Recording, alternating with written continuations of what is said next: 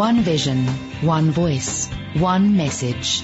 Radio Pulpit 657 AM and 729 Cape Pulpit, impacting lives from Gauteng to the Cape.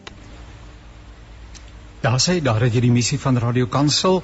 Ons wil graag die lewens van mense impakteer en ons weet dit is iets wat alleen maar deur die kragvolle werking van die Heilige Gees moontlik gemaak word. Dis heerlik om saam te kuier. My naam is Janie Pelser en hierdie program se naam is Perspektief en ons kom lewendig na jou toe.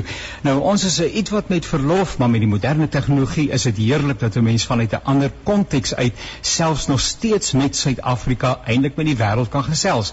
En daarom ons is hier by die Noordkus NG gemeente wat vir my toelaat om van hulle fasiliteite gebruik te maak en ek is daarvoor so so dankbaar. Dan mag 'n effense ego wees, maar dis te wille van die fakulteit die, die plekkie waar ons onsself tuis vind, maar ons is nietemin baie dankbaar dat ons so lekker kan saamkuier. Ons vertrou dat dit met jou baie baie goed gaan. Ai, ek kan maar vir jou sê vir die wat nie by die see bly nie, die see is pragtig. Regtig, die see is daarom regtig vir jou 'n pragtige pragtige affære en 'n mens mens word intens bewus van die Here se goedheid en sy guns, sy nabyheid en sy liefde. Nou perspektief uh, wil natuurlik 'n bydrae lewer om die denke van mense te verryk uh, en uh, natuurlik ook uit te brei. Ons het almal ons idees rondom die dinge wat deel vorm van die kom ons noem dit maar die nasionale gesprek, maar ons gedagtes word gedurig deur herbevestig, bevestig of aangepas na gelang ons nuwe inligting kry op die tafel kry waarmee ons kan werk. En dit is waaroor uh, perspektief gaan. Ons gesels met meningsvormers en ons vra vir hulle dat hulle vir ons asseblief hulle perspektief oor die sake van die dag sal deel en dan kan jy daardie inligting gebruik natuurlik om jou eie gedagtes daar rondom te vorm uh let asseblief daarop dat Radio Kansel nie noodwendig instaan vir die gedagtes wat uitgespreek word nie. Die hele bedoeling is dat ons almal aan die dink gesit word en om te dink is 'n gesonde gesonde oefening. Of wat sê ek alles? Uh professor Andrei Dievenage om te dink is nie die slegste ding wat 'n ou kan doen nie. Môre Jannie, goed om jou te sien en bly om te hoor jy's by die see. Jy gebruik groot terme, jy gebruik nasionale debat en weet jy, jy's 100% reg ons is besig met 'n nasionale debat en in opsigte begin daai debat te vergelyk met dit wat ons gehad het in die periode tot die aanloop tot die 94 verkiesing en die grondwetlike bedeling wat daarna tot stand gekom het.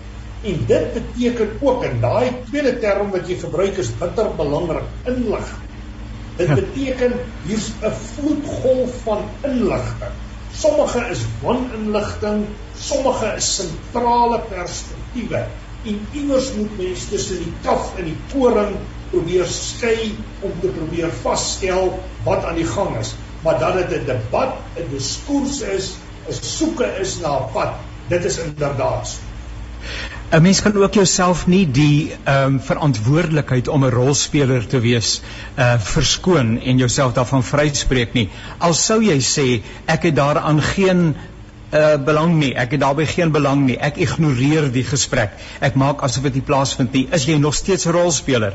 Jy's onaktiewe en miskien moet ek sê oningeligte en dalk tra rolspeler, maar jy's 'n rolspeler en ook jou uh afwesigheid het 'n invloed op die uit uh, op die uitwerking van dinge aan die einde van die dag. Jy kan nooit sê ek het niks daarmee te doen, ek is onskuldig nie.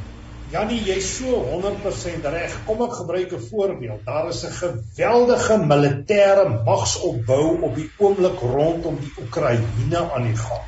Inderdaad. Dit is duidelik as dit gaan ontplof, gaan dit die lewens van letterlik miljoene mense in Wes-Europa en waarskynlik dele van Asië direk raak. Ek sê nie dit gaan gebeur nie, maar dit kan gebeur. Maar nou is die punt wat ek wil maak. Die militêre strateeg Martin van Kreeveld het by geleentheid gesê jy kan die oorlog ignoreer, maar die oorlog ignoreer nie vir jou nie. Ja, ook Suid-Afrika. Ons kan die werklikhede ignoreer ons kan volstruispolitiek beoefen, maar uiteindelik werk dit deur. So die beste posisie is neem kennis, kry 'n perspektief, kry 'n plan en lewe voort en dan miskien belangriker, kyk hoe kan ek en jy 'n positiewe verskil maak tot hierdie wêreld. Bou brûe, skep waardes, ontwikkel gesindhede en maak 'n verskil. Ek wil nog vir 'n oomblik net daarop voortborduur want ek dink dit is so belangrik. Uh, ek hoor dikwels dat mense sê ek luister nie nuus nie. Ek kyk nie nuus nie. Ek steur my daarin nie want dit ontstel my. Maar die bedoeling is dat ons 'n bietjie ontsteld moet word. Dis nie 'n slegte ding wanneer jy ontsteld word en dan sê maar goed, nou wat kan ek proaktief doen om 'n verandering en 'n verskil te maak nie? Absoluut so Jannie. Uh, ek dink dit is belangrik om kennis te neem. En 'n mens wil nie altyd slegte nuus hoor nie. Dit is so. Maar weet jy wat ek ook ervaar het en ek het nou al soveel kere gesien. Mens groei in slegte omstandighede en nie in goeie omstandighede. Inderdaad, in ja. In goeie omstandighede is mens geneig om in 'n gemaklike sone in te beweeg van gerief en dan is daar nie groei nie. Jou werklike groei lê wanneer die uitdagings om jou kom en jou groot suksesse is wanneer jy daai uitdagings kan oorkom. En kom ons sê vir mekaar, hierdie land het groot uitdagings. En hierdie uitdagings word al groter maar so ook ons geleenthede om hier 'n verskil te maak om die wêreld as dit ware 'n beter plek te maak vir almal en dan slot hier in hierdie omgewing ten minste vir my 'n Christelike waardestelsel en dit is 'n sterk waardestelsel waarvandaan jy 'n verskil kan maak waarvandaan ons ook wetenskap beoefen vanuit 'n Christelike wetenskapstradisie wat 'n gevestigde tradisie was ten minste by die Noordwes Universiteit, die ou Potchefstroom, by die ou Koffsies en ek was ook deel van daardie opleidingsproses wat met my gebeur het. En stels vandag waar ek staan in hierdie tye, put 'n mens nog uit daai omgewing en uit daardie dampkring. Deel ons passie vir die lewe op 657 Radio Kansel en 729 Kaapse Kansel. Dis 'n deel ons passie vir die lewe, nê? Nee, deel ons passie vir die lewe en ek is seker daarvan dat jy ook passievol is oor die lewe en al die mooi en interessante dinge wat dit bring. Prof Andre, hoor ek vir u, kom ons hoor net of jy nou terug is. Hallo Prof Andre. Ja, kan jy kan jy my hoor? Ek hoor jou, ek hoor jou en kan u my hoor? Ek hoor jou duidelik. Goed, nou maar goed, ons hoor wat sê 'n woesie, maar ons gaan intussen aan eh uh, Prof Andre en weer eens verskoning, dis maar deel van die tegnologiese uitdagings. Partykeer is hy jou beste vriend, ander kere kan hy nogal vir jou uh, laat uh, laat rondspring. Nietemin, deel van die uh, wêreld waarin ons onsself bewoon uh, en bevind, uh, met die in, in die die politiek van die dag is daar nuwe begrippe, nuwe woorde wat ons moet leer, ook die inhoud daarvan. Nou een daarvan is, die woord word nou al lankal gebruik, maar ek wonder hoeveel mense weet wat vir 'n ding is 'n legotla. En in die afgelope tyd hierdie ANC se nasionale uitvoerende komitee so 'n byeenkoms gehad. So wat is 'n legotla en wat gebeur daar? Dan ja, 'n legotla is basies maar 'n bosberaad. Dit is 'n strategiese gesprek waarop daar sekere strategiese uitkomste bereik wil word. Nou normaalweg word dit gebruik by organisasies as hulle strategiese rigting en 'n vorm van konsensus soek. Nou dit is normaal by die ANC dat daar na die 8 Januarie standpunt 'n tipe van 'n legotla is om gesprekke te voer en eintlik die rigting en inhoud van die 8 Januarie standpunt te bepaal want die saak loop nou verder. Hy gaan nou ANC toe, van die ANC af gaan hy kabinet toe en dan van die kabinet word hy vervat binne die staatsrede en later ook gereflekteer in die uh, begrotingsrede. So dis alles deel van 'n groter proses en die doel is om die party enerzijds en die staat regering anderzijds met mekaar te sinkroniseer. Maar nou is daar iets addisioneel by tot hierdie proses. En dit is die hele kwessie van die ANC hou konferensie gedurende die jaar. En hierdie konferensie is duidelik die moeilikste konferensie waarvoor die ANC te staan gekom het. En as ek sommer net 'n paar uitdagings kan stel, daar's ten minste 4 provinsies wat nog nie provinsiale uitvoerende komitees verkies het nie. Dit is Noordwes, die Vrystaat, Wes-Kaap en Mpumalanga. Dan moet ons ook onthou as gevolg van COVID het die beleidskonferensie wat eintlik al 2 jaar gelede moes plaasvind, het nie plaasgevind nie. En dit is normaalweg die plek waar daar druk geplaas word op leierskap. Destyds by Mitterrand was die beleidskonferensie die konferensie wat die boodskap vir Thabo Mbeki gegee het dat daar moeilikheid in die weer is op pad na die Polokwane konferensie. Nou dit vind plaas rondom Mei, Junie van hierdie jaar. En dan het ons die nasionale konferensie wat hardloop. Ek dink dit is hierso 16, 17, 18 Desember van hierdie jaar. Dit moet tog vasgemaak word. En nou, Jannie, ons het reeds gesien dat die eerste skote in die leierskapverkiesing gevuur is by die 8 Januarie standpunt het Stan Matabata ondersteun deur die Noord-Kaap vir Ramaphosa gesteun en toe het ons die salvo gesien van Lindiwe Sisulu waarin sy die grondwet bevraagteken en dit het 'n klomp dinamieke en gesprek veroorsaak binne die ANC natuurlik ook konflik. So 'n kort 'n groot antwoord op 'n klein vraag Nou uh, natuurlik, dit is baie interessant en ons kan sien dat die ANC met name 'n baie baie besige jaar voor het. Prof, ek het nogal gewonder, ehm um, wanneer 'n mens baie keer in die media lees en ek het dit minstens een keer gelees en dien nie meer nie, terwyl die Legotna aan die gang was, uh, was daar sekere sake wat klaarblyklik daar bespreek is waar daaroor al reeds melding en verslag van gelewer word en dan sê die media volgens 'n betroubare bron Nou die Legotla wil ek myself veronderstel is 'n geslote vergadering tot op die stadium dat die uitkomste daarvan met die media gedeel word.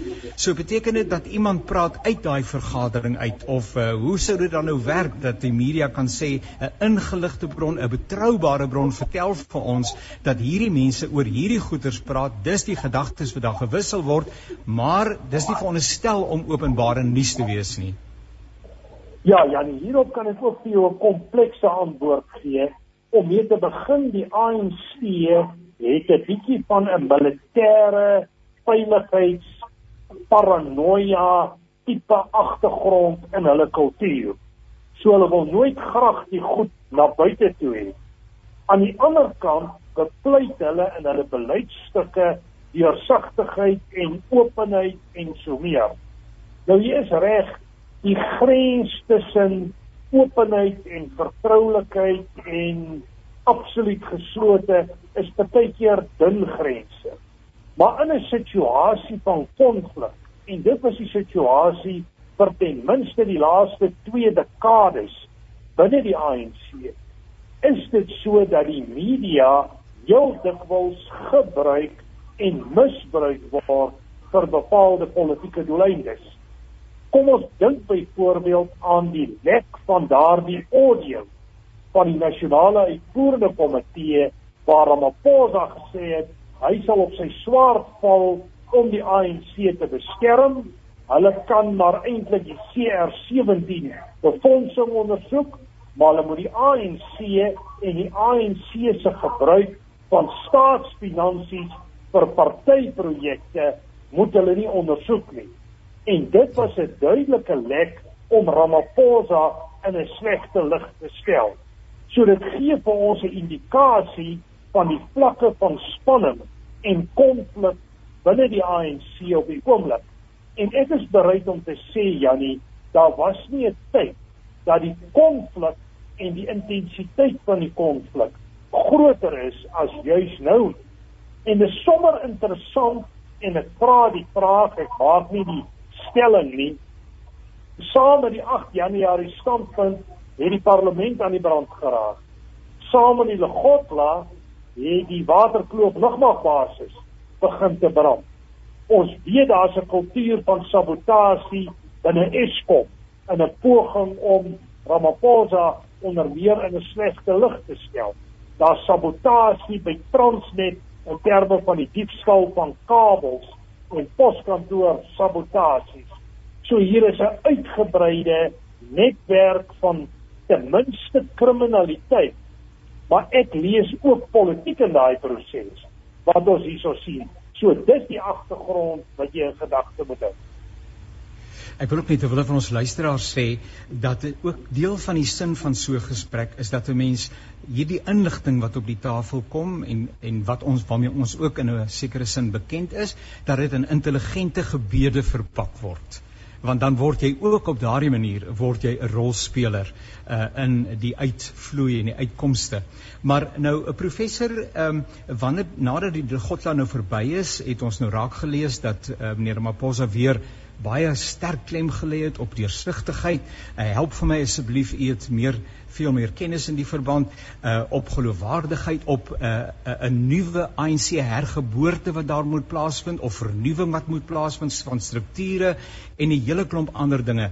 Te gelykertyd kom die verslag en wat ook weer beskikbaar gestel is aan die publiek rondom die ehm um, vermorsing onder andere wat 'n sagte woord is in 'n sekere sin uh, van 'n uh, fondse rondom beskermende toerusting en alles wat met COVID-19 saamgehang het by die departement van gesondheid.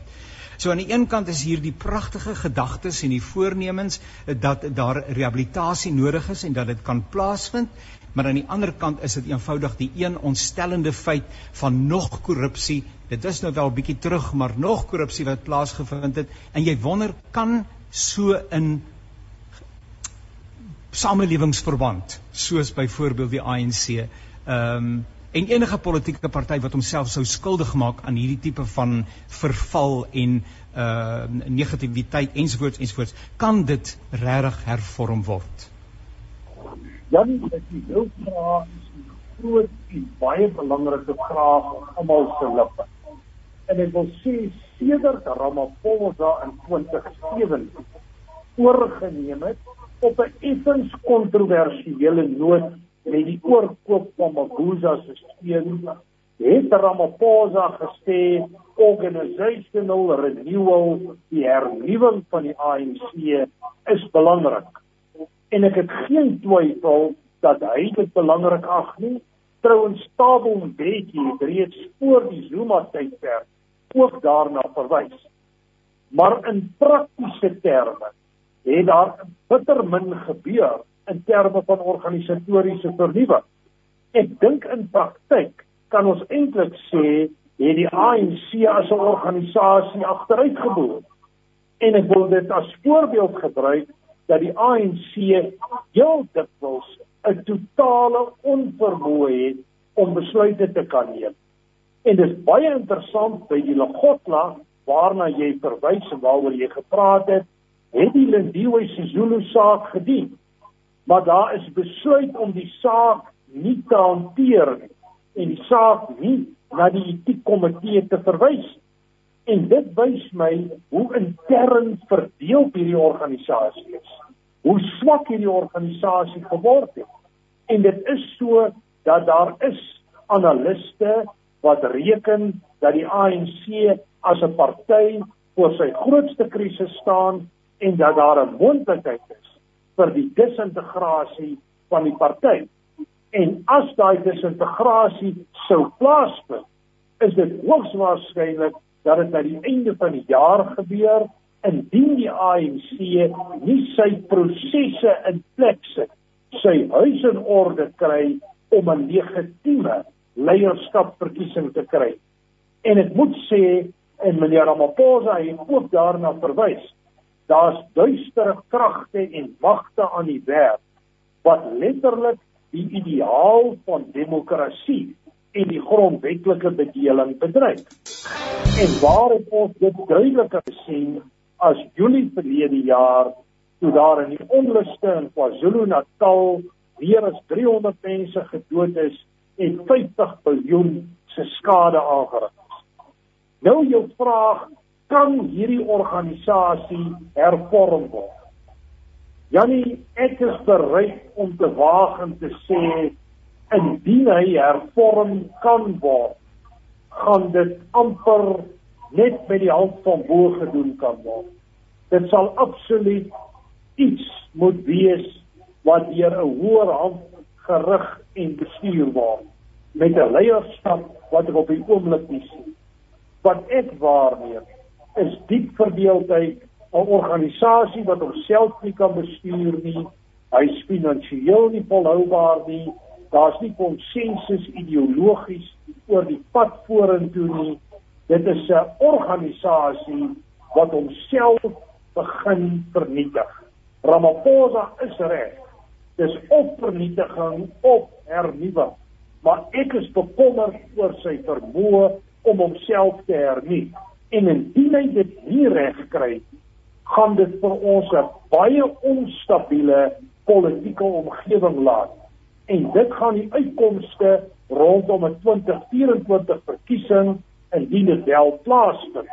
Want ek voorsien in so 'n omgewing intense vlakke van onstabiliteit kan dit reuse uitdagings bring. Die positiewe is in die verband as ek nou vanuit die ANC oogpunt daarna sou kyk, is dat hulle so ver nog altyd die verdelingslyne by mekaar kon hou veral omdat dit beteken as hulle nie by mekaar staan nie verloor hulle mag en verloor hulle voordeel en uh, kan hulle nie die patronaatskappe diens. Ek weet net nie of hierdie faktor van sterk genoeg is gegee dit wat aan die debiet kan staan Professor, 'n laaste vraag net uh voordat ons afsluit en baie baie dankie. Dit is altyd heerlik om met u te kan gesels. Ehm um, en hierdie is menings wat ons uitspreek, wat u ook uitspreek. Wie van ons weet in elk geval die lewe is vol verrassings, maar 'n mens gesels oor hierdie dinge en u het as navorsingsprofessor natuurlik baie baie meer insig en kennis tot u beskikking. Uh moet meneer Ramaphosa bekommerd wees uh oor sy posisie as leier van die ANC? Um, of is hy redelik veilig? Daar is nie eintlik uh, iemand wat vir hom regtig op hierdie stadium betekenisvol sou kon uitdag nie. Janie, die analiste daar verskil daaroor. Net gister het ek en 'n kollega daaroor gepraat. My eie perspektief is dat dit 'n trend 'n 50-50 scenario is. Die kollega reken dit is nader aan 'n 70-30 verhouding. Nou ek gaan vinnig opsom hoekom ek reken dit is 'n 50-50 saak. In die eerste plek, wanneer Ramaphosa is effens veiliger omdat daar nie 'n konsensus kandidaat is wat sterk is wat teen hom staan nie. Daar's 'n verskeidenheid konkurrente. Byvoorbeeld mense soos Mkhize in, in KwaZulu-Natal dat is Paul Mashatile, dit is David Mabuza op 'n manier, Lindiwe Sezulu het daar hand op gesteek. So daar's 'n verskeidenheid, daar's 'n diversiteit. Maar wat wel baie sterk teen meneer Ramaphosa hardloop, is 'n paar dinge. In die eerste plek, hy is nie in 'n goonie nie. Hy het nie daai tradisionele steunbasisse wat Zulu of Xhosa leiers in die verlede gehad het. Die die Wenda groepie is kleiner en ligter. Tweedens het hy 'n probleem in die sin dat sy termyn was nie 'n baie suksesvolle termyn. Die ANC is nie vernuwe nie, die ekonomie is slegter daaraan toe. Uh die party presteer nie goed nie, daar's verdeeldheid. Die uh semi-staatsinstellings soos Eskom funksioneer nie, die ekonomie het nie gegroei nie so omstandighede bevoordeel hom nie werklik nie. En dan moet ons maar natuurlik onthou dat eh uh, meneer Ramaphosa self ook geïmpliseer word in die korrupsie goed. Hy was adjunk president hierdie kaderontplooiingsnotules wat nou hardloop wys ook 'n vinger na hom want die adjunk president en die ontplooiing van kaders loop baie nou saam om die party te belyn met die staat. In kort Jannie, ek dink meneer Ramaphosa staan voor die grootste uitdaging van sy loopbaan. Ek wil nie sê hy kan dit nie maak en ek wil ook sê as hy dit nie maak nie, is die implikasies verrykend vir veral die ekonomie.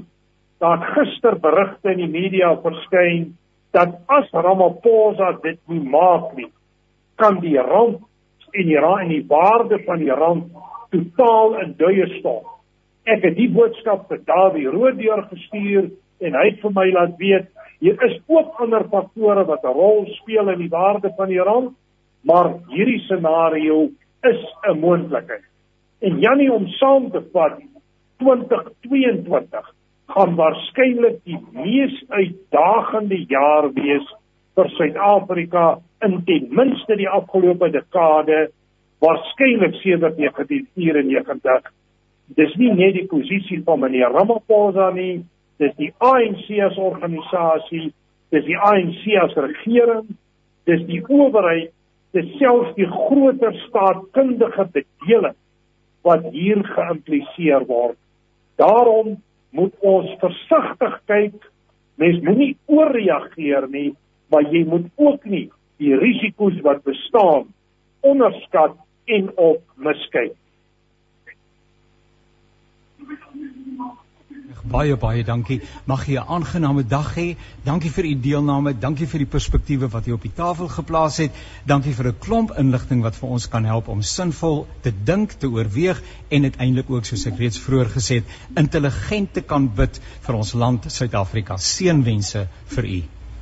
Baie dankie Jan.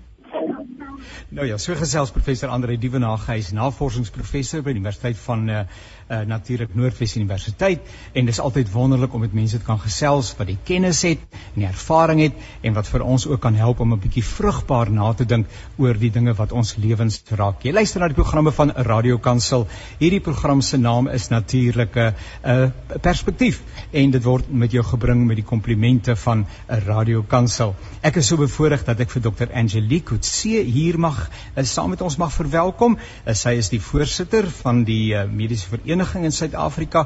Ons kyk net of ons vir haar kan sien en of ons ook daar is sy en uh, haar mikrofoon is af. So uh, Dr. Angeline, ek vertrou dit gaan sommer baie goed met u vandag. Môre, ehm um, maar 'n uh, harde werksdag. en dis 'n harde wêreld waarna ons deel het, nê? Nee? En uh, soos wat ek dikwels sê, dit was al reeds kompleks en toe gebeur COVID-19 ook nog dis nie asof dit die enigste ding is waarmee ons onsself besig hou die afgelope bykans 2 jaar nie, maar te midde van baie kompleksiteite het ons toe nog hierdie interessante uh besoek van 'n uh, uh, netwerk, ag netwerk uh uh uh um uh, COVID-19 en uh, ons is nie altyd seker of hy met ons klaar is nie. Ons wil verseker met hom klaar maak, uh, Dr. Angelique. Uh, ons het 'n versadigingspunt bereik waar ons sê kan ons nou maar vriendelik, eintlik maar onvriendelik van mekaar afskeid neem. Ehm um, ja, ek wens dit was so maklik. Ek wens ehm um, ons kon so maklik die virus beheer soos wat die virus ons beheer. Ja. Maar ek is bevrees ek het nog steeds nie goeie nuus vir almal wat ehm um, so hoopvol is dat hierdie nou 'n uh, endemiese geval gaan word en dat dit nou die einde is nie ehm um, uh die die die goeie nuus is uh, ons verwag ons vyfde vlaag in Mei maand. So ek ek is bevrees ehm um, en dan ook vir die mense wat ehm um, so moeg is vir die maskers en so moeg is om mm. alles te hoor. Ek is bevrees uh hierdie gaan ook nie die einde van julle maskers wees nie. Nou nou Dr. Angelique op grond waarvan uh kan wetenskaplikes vir ons sê maak julle gereed vir 'n volgende vlaag. Ehm um, uh ek bedoel ons is nou al dwars deur die Griekse alfabet. Daar bly eintlik nie meer iets veel oor nie. Uh en uh, uh is daar reeds tekens, is daar reeds plekke in die wêreld waar byvoorbeeld iets so sodanige uh variant bespeur is of is dit nou maar uh ingeligte uh raaisel, raaiskoot, né? Nee? Raaiskoot. Wel ek is nie so seker of dit 'n raaiskoot is nie, maar dit is baie op baie data gebaseer. So as ons kyk na ons vorige data, of ons huidige data, dan sal jy sien ehm um, tussen elke vlaag, ons het nou 4 golwe gehad. En tussen elke golf het ons so 3 maande breathing space. Dan kom die volgende een. En as ons daai trajector volg, dan is die volgende een ons ons ons um, skat ons sal hier by Februarie redelik uit die uit die Omicron golf uit wees. En dan sal ehm um, die as ons na die tendens kyk, en jy kan dit baie duidelik sien in die kleiner lande. Ehm um, is dit makliker om hierdie tendens raak te sien dan sal die tendens of dan wys die tendens vir ons ons kan 'n volgende een in Mei maand te wag te wees, Mei die laaste Junie.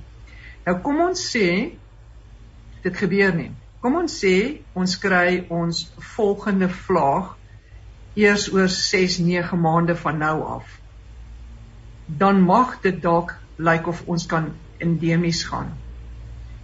As ons wel ons vlaag kry oor 3 maande, met ander woorde in uh, Mei uh, Junie, dan is ons op dieselfde trajectorie wat ons sover gesien het. Nou die belangrik om te verstaan is dat die virus is nie is dit is nie delta wat verander het in omikron nie. Dis nie beta wat verander het in delta nie. Dis almal onafhanklike variante wat hulle self verander om aan te pas. Um en dit sal waarskynlik bietjie moeiliker wees vir 'n volgende variant om omikron um ore aan te sit want hy gaan moet net so vinnig kan versprei of hy hoef nie hy mag dalk dodeliker wees want onthou omikron was nie so dodelik nie. So niemand van ons weet nie daar is nie een persoon in die wêreld wat vir ons kan sê wat vorentoe gaan gebeur nie. Net die tyd gaan ons leer, maar vir nou, as ek bevrees as ons nie daar uit nie. Nou daar word en dit is interessant want uh, daar word verskillende statistieke genoem. Partykeer is soveel mense het dan die vaksines ontvang en dan het soveel mense die vaksines ontvang. Ek tog ek het tog wel iewers raak gelees, dit kon 'n mening gewees het dat uh, waarskynlik 80% van die Suid-Afrikaanse bevolking wel immuniteit bereik het uh as gevolg van of die vaksines of dat hulle self uh, die spesifieke siekte dan uh COVID-19 onderlede gehad het en vanuit daar daaruit uh die immuniteit gebou het. Uh is dit 'n bietjie ambisieus om te sê dat 80% van ons samelewing ehm um, dan nou die sogenaamde kudde aanhalingstekens immuniteit bereik het? baie goeie vraag. Dis waarskynlik nie ambisieus oor ambisieus om dit te sê nie. Maar daar's iets anders wat wat ons net in gedagte moet hou. En dit is ehm um, ons het nou gesien ander lande wat baie beter gevaksinereer is as Suid-Afrika. Kyk na hulle groot getalle. En hulle mense het ook voorheen ehm um, COVID gehad al. So dit is nie asof hulle glad nie COVID gehad het nie. Ons het tydens Omicron het ons gesien mense wat nog nooit gevaksinereer is nie maar wat vorige of delta of beta gehad het, het siek geword. Ons het gesien mense wat gevaksinereer was wat voorheen um, delta of uh, beta gehad het, het omikron gekry. Ehm um, ons het gesien dat die oorgrootste meerderheid van hulle wel matige siekte kry. Ehm um, en dat min van die gevaksinereerde mense uit, uit, uiteindelik in die hospitaal as gevolg van COVID op sy eie behand ehm um, uh, beland. So dit bring my terug na die punt toe dat jy kan jou nie self uit 'n pandemie uit vaksineer nie. Ehm um, want dit is baie meer komplekser as dit. Dit gaan oor immuunstelsels, dit gaan oor kroniese siektes wat mense het. Dit gaan oor genetiese ehm um, uh uh, uh verskille tussen mense. Uh So so ja, ons het almal op hierdie stadium as jy gaan kyk na Europa met hulle ongelooflike kudde immuniteit het as gevolg van al hulle vaksines, maar ons kry nog steeds infeksie. So ek dink wat wat belangrik is is om te sê, hoekom vaksineer ek? Hoekom wil ek 'n vaksines vat? Wil graag 'n vaksines vat vir twee redes. Die een, sover lyk dit of dit my gaan beskerm teen ernstige siektes. As ons na die data, nou kyk ons na data. Ons kyk nou nie na na mense wat allerlei teorieë het nie. So die data is baie duidelik. As jy gevaksinereer is, is jou kans om erge COVID te kry baie skraal. Ehm um, ons sien nie jy gaan dit nie kry nie. As jy gevaksinereer is en ons het gesien met die mense wat nou ook matige COVID ge, uh, Omicron gekry het, hulle simptome is baie minder intens. En ehm um, so dit help hulle. Dan vaksineer ek ook sodat as ek um, 'n virale infeksie het, watter ook al variant dit is. en ek praat normaalweg en ek lag en ek hoes dat ek minder viruslading versprei op so 'n manier. En daarom is die masker so belangrik. My masker wys ek gee om vir jou. Ons is nou al soveel keer deur hierdie maskers. Ek is al so moeg daarvoor, maar dit lyk my die boodskap gaan nie deur nie. Ehm um, so my masker wys ek gee om vir jou. Daarom versprei ek minder die virus. So dit is nie net vaksinering nie. Dit is ook ander gesondheidsdienste wat in wat moet ehm um, of publieke gesondheidsreëls wat moet inkom. En ongelukkig ehm um, kan jy nie hierdie virus beheer nie. So ons het geen beheer oor hierdie virus nie. So so, so al het ons almal herd immunity of kudde immuniteit. Ons het gesien wat gebeur in in in Israel. Hulle word siek. Maar die vraag is hoe siek word hulle? hoop dit nou, antwoord jou uh, vraag. So so 'n dubbel loop geweer, 'n dubbel loop vraag. Ehm um, is dit een virus ag ehm ehm o, en mense raak jy mekaar met al die tegnologie nê. uh, Inenting, wat mense goed vaksinne. Is dit uh, een dosis? Is dit twee dosisse? Is dit twee dosisse plus 'n versterker? Is dit twee dosisse plus twee versterkers? Uh dit aan die een kant uh, uh en dan aan die ander kant ehm um, het ons eintlik geen sekerheid dat dit wat wel as uh, as as as vaksinne aangebied word, die nuwe variant sou dit 'n werklikheid word effektief gaan aanspreek nie. So ons ons is eintlik op 'n verkenning en moet maar van oomblik tot oomblik. Uh maar kyk wat ons het. So hoeveel vaksines moet ons nou kry? En uh ek wil amper sê en wat help dit as ons nie weet wat die nuwe vir ons bring nie?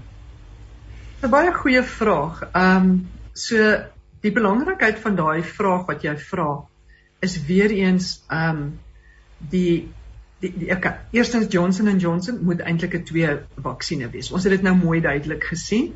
En onthou dis die dis nou hierdie data waarvan almal praat dat daar's nie genoeg data nie en hierdie ja. die vir al die anti-vacciners wat baie kwaad word oor hierdie goeie. So ja. so so hulle gebruik hulle hierdie goed, maar ongelukkig is daar ek bedoel niemand het dit nog voorheen gehad nie, so ons kan nie vir jou sê hoe lank jou enstof hou nie.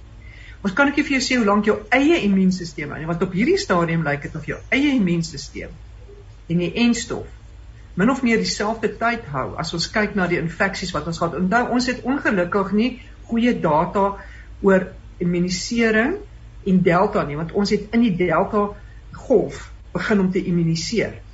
Ja. Right? So ander lande het, het daai voordeel, hulle het lank voor die tyd begin. Ons het nie. So dit is Suid-Afrikaanse oogpunt is dit baie moeilik om daar te praat. So ons kan praat oor wat ons nou met Omicron gesien het. En met Omicron het ons gesien dat mense wat gevaksinneer is voor ehm um, ehm uh, um, September September insluitend.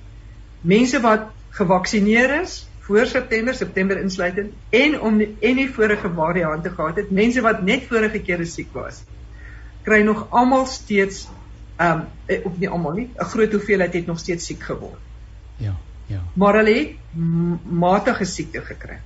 Ja. So dit is so, ons weet nie hoe die virus homself gaan verander nie, hoeveel mutasies hy en waar hy dit gaan doen en hoe hy dit gaan doen. Maar as ons dan nou terugkyk na die enstowwe wat tans beskikbaar is, dan weet ons ten minste lyk dit of die al die enstowwe wat ons in Suid-Afrika het jou ten minste 90% beskerm teen erge siekte. En as ons dit net kan hou, dan is gee dit vir ons 'n bietjie asemhaling met 'n volgende variant. Want ongelukkig weet niemand nie. En ons weet dat die die die wetenskaplikes baie hard in die agtergrond tans werk om hierdie vaksines 'n bietjie te verander vorentoe.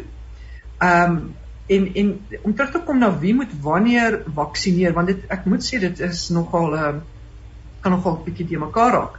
So jy almal wat Johnson & Johnson se eerste vaksinne gehad het, asseblief jy moet die tweede een kry. Ehm um, en dan gaan Johnson & Johnson gaan van hier af vorentoe ook 'n twee dosis wees, net soos Pfizer.